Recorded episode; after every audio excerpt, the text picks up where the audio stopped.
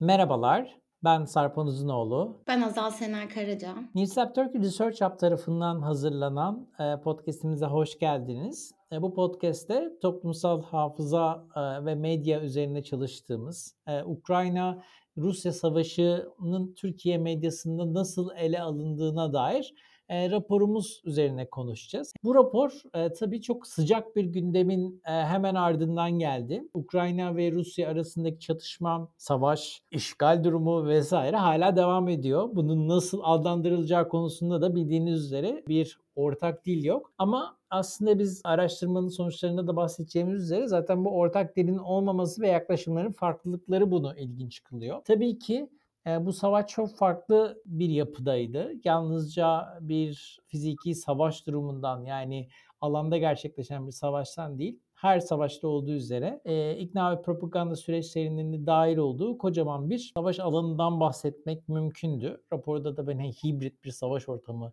olarak tanımlanan şekilde. Savaşın tabii ki cephelerinden biri her zaman medya oluyor. Ama sadece bugün savaşlar e, yaşandığı yerde, yaşandığı cephenin etrafındaki e, basın kuruluşları tarafından ele alınmıyor. Küreselleşme, enformasyon akışının hızlanması gibi durumlar e, savaş gibi karanlık bir meselenin bile e, neredeyse bütün detaylarının profesyonel gazetecilerden vloggerlara, bloggerlara kadar uzanan geniş bir çerçevedeki insan toplulukları tarafından ele alındığı ve bu ele alımlarında farklı çerçevelemeler oluşturduğu e, bir duruma evrilmiş durumda. Ukrayna-Rusya savaşı da tam olarak böyle bir e, savaştı. Başından beri zaten Türkiye medyası da, Amerikan medyası da, dünyadaki diğer ülkelerdeki medya da savaşın aslında önce izlerini sürdü. Joe Biden'ın açıklamaları, Putin'in açıklamaları, karşılıklı olarak birbirlerini tarttıkları dönem vesaire bunlar e, herkesin baktığı meselelerdi ve hepimiz aslında bir şeyin olacak olduğunu neredeyse farkındaydık. Ama e, netice itibariyle askeri çatışma belli bir tarih itibariyle başladı ve ondan sonra bu haber medyasının resmi konusu olarak bir savaştan bahsedebilir hale geldik. Cepheden bildirenler, Türkiye'den işte Ukrayna sınırına geçip Ukrayna'ya bir şekilde girip oradan bildirmeye çalışanlar derken ilginç bir şey oluştu aslında. Hani deneyim yaşadık biz de. Normal şartlarda çok da savaş gazeteciliğiyle bilmediğimiz hani o tarz marifetlerini bilmediğimiz gazeteciler bile Ukrayna'da olan biteni bir şekilde görmek için oraya da gittiler. Biz tabii oraya gidenler ne yaptı diye bakmaktan ziyade e, buradaki gazeteciler e, orada olan biteni nasıl gördü üzerine bir e, rapor yazmaya çalıştık. Tabii ki e, çok farklı şeylere baktık. İşte tarihi kontekstinin ne kadar yer alıyor vesaire gibi meselelere. Ama nereye baktık ve neyin sonuçlarıyla karşılaştık ya da nasıl sonuçlarla karşılaştık sorusunun yanıtını vermeden önce belki de araştırmanın yöntemi, örneklemi, kimleri ele aldık gibi e, konulara bakmamız lazım. O nedenle e, Hazal eğer istersen sen bununla ilgili biraz konuş. Araştırma yöntemi olarak içerik analizi ve çerçeve analizini kullandık. Araştırmanın örneklemini de Türkiye'de en çok okunan gazeteler arasında yer alan ve farklı yayın politikalarını temsil ettiğine inandığımız Bir Gün, Cumhuriyet, Evrensel, Gazete Duvar, Hürriyet, Sabah, Sözcü ve Yeni Şafak gazetelerinin e, çevrimiçi haber sitelerinde yayınlanan 24 Şubat 31 Mart 2022 tarihleri arasında yayınlanan ve doğrudan Ukrayna-Rusya savaşını konu alan 2418 haberin incelemesi oluşturuyor. Araştırmanın kısıtları gereği söz konusu gazetelerin dünya, gündem ve güncel kategorilerinde yer alan haberleri analize dahil ettik. E, ve yine kısıtlar gereği video haberleri, köşe yazılarını ve fotogalerileri kapsam dışı bırak. İsterseniz araştırmanın sonuçlarına geçelim hocam.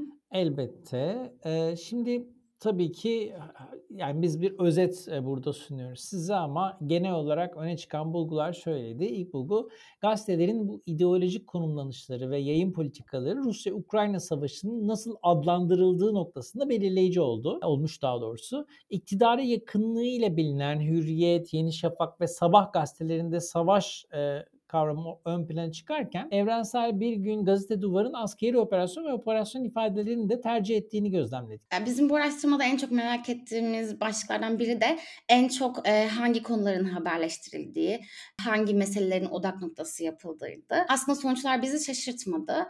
E, araştırmanın bulgularına göre e, Rusya-Ukrayna savaşı Türkiye medyası tarafından en çok askeri operasyonlar ve savaşın gidişatı ekseninde haberleştiriliyor. Bunu da barış müzakereleri ve Türkiye'nin yürüttüğü politik politika ve savaştaki pozisyonunu değerlendiren haberler takip ediyor. Yine bizim için ilginç bulgulardan biri TV programlarında çokça gördüğümüz, izlediğimiz, tartışılan Montreux Boğazlar Sözleşmesi ve savaşın Türkiye açısından doğuracağı çeşitli etkilerin aslında haber medyası tarafından çok fazla gündeme taşınmaması oldu. Araştırmanın bulgularına göre Montreux Boğazlar Sözleşmesi'ni ve savaşın Türkiye'ye doğuracağı etkileri inceleyen haberlerin oranı sadece %4. Yine bu konuyla ilgili e, uluslararası hukuk ve insan hakları ihlalleri gibi önemli başlıklarında Türkiye medyası tarafından yeterince haberleştirilmediğini gördük. Tabii yani e, haberlerde en sık başvurulan kaynaklar da önemli. Yani nereye bakmışlar da böyle bir haberi yapmışlar. Çünkü haber kuruluşlarında neticede sınırlı bilgi kaynakları var ve sınırlı aslında finansal kaynakları da var. Özellikle savaş gibi pahalı bir şekilde kabul edilen, ele alınan bir meselede haber üretmek için. E, en sık başvurulan kaynakların başında Ukraynalı, Rus ve Türkiye'li e, yetkililer ve kurumlar geliyor. Evrensel ve Gazete Duvar'ın savaş haberlerinin en çok başvurduğu ilk üç kaynağın arasında ise savaşı protesto eden birey ve gruplar var. Yani savaş karşıtı aktivizm, de biraz konulu şey kaynak haline gelmiş durumda. E, haberlerde çok fazla kaynak kullanılmasına karşın e, arka plan bilgisinin de çok fazla yer almadığını keşfettik.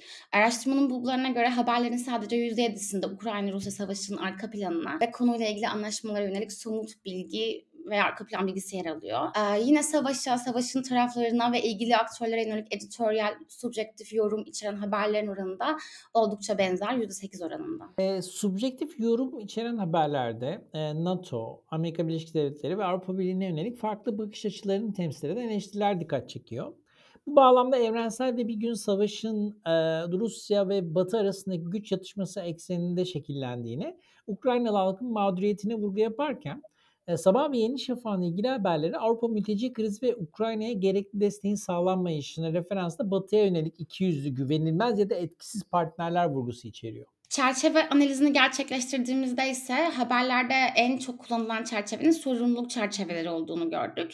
E, sorumluluk çerçeveleri en basit ifadeyle savaşın nedenlerine veya çözümlerine yönelik belirli aktör ve grupları işaret eden çerçeveler anlamına geliyor. Sorumluluk çerçevelerinden sonra en çok kullanılan haber çerçeveleri de çatışma çerçevesi. Aslında bu genel olarak savaşı veya çatışmaları ele alan haberlerde en sık karşımıza çıkan çerçeveler oluyor. E, bizim için ilgi çeken gereken bir bulgu.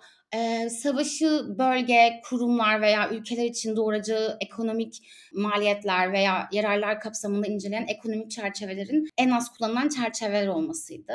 Yine aynı şekilde insan ilgisi çerçevesi de savaşı insan odağında ele alan çerçeveler yine e, çatışma çerçeveleri ve sorumluluk çerçevelerinden daha az kullanılıyor haberlerde. Tabii bu savaş dediğimizde ve gazetecilik dediğimizde ne geliyor akla? İşte büyük manşetler, e, büyük başlıklar ama aynı zamanda ilginç ya da bazen de yıkıcı fotoğraflar. Bir görsellere de baktık biz de. E, asker, tank, uçak ve füzeler yani klasik militarist e, görsel dil kullanımının en önemli parçası olan şeyler. Ve başta Volodymyr Zelenski olmak üzere Ukraynalı yetkililer ve işgal altındaki şeylere ilişkin görüntüler tabi haberlerde en çok kullanılan ögelerdi. Yani genel kullanımdan farklı olarak Evrensel'in Ukraynalı yetkililerden sonra en çok yer verdiği kareler savaş karşıtı protestoculara birey ve gruplara aitti mesela işte görsellerin %15'inde bu gruplara yer vermişler. Ee, Hazal o zaman yavaştan toparlayalım. Her seferki gibi e, şunu söyleyebiliriz ki tabii ki burada özetliyoruz biz sadece